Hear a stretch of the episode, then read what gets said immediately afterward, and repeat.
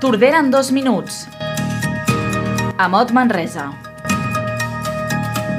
el correfoc dels Diables eh, Grans, en aquest cas, eh, el pregó de festes, i en aquest cas també sí que és veritat doncs, que incorporem, a part de la nit de barraques en el Prudenci Bertrana, un concert de, de l'Orquestra Monte Carlo també a la plaça de l'Ajuntament per mantenir aquest caliu. I a la vegada doncs, també es donarà el tret de sortida de la nit de barraques també amb tres grups, eh, un grup de versions que és la, la Tropical, la Senyora de Massamo que és un grup també doncs, de, de temes propis i DJ Sendo. Així serà l'última nit de barraques de la Festa Major de Tordera 2022. L'Ajuntament ja té enllestida la programació de Festa Major d'aquest any. Enguany se celebra entre el 19 i el 26 d'agost de forma ininterrompuda i recuperant algunes de les activitats més tradicionals i multitudinàries perdudes durant els anys de la pandèmia. Ho podran descobrir en una entrevista que es publica aquest dimecres amb el regidor Pau Mejías. Aquest mateix dimecres també i durant el matí el Cap Tordera organitza un taller de lactància al Parc de la Sardana. L'activitat començarà a dos quarts d'una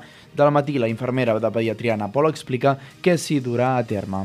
L'activitat serà pues, les mares que estan alletant, eh, pues, estaran alletant, és una, una alletada conjunta, tots en el parc, Llegirem els objectius i explicarem una mica de què va la Setmana Mundial de la Lactància i, com sempre, en els tallers de lactància compartirem si hi ha dubtes, hi ha inquietuds. A dos quarts d'una del matí, al Parc de la Sardana, aquest dimecres, un taller sobre lactància i sobre els nounats. I és que justament l'augment de la població s'ha vist reflectida en la xifra d'habitants de Tordera. Així ho va comunicar l'Ajuntament de Tordera, on en un recompte d'aquest 1 de gener del 2022 s'eleva fins a 18.090 habitants el nombre de tordarencs i tordarenques, per tant superant la xifra dels 18.000. A més a més, hem destacat avui que ha tancat amb èxit la primera edició de les nits d'estiu al Casal de Joves, una proposta dirigida al tot el públic, sobretot al juvenil. Tordera en dos minuts, un podcast dels serveis informatius de Ràdio Tordera disponible a la web i a les principals plataformes.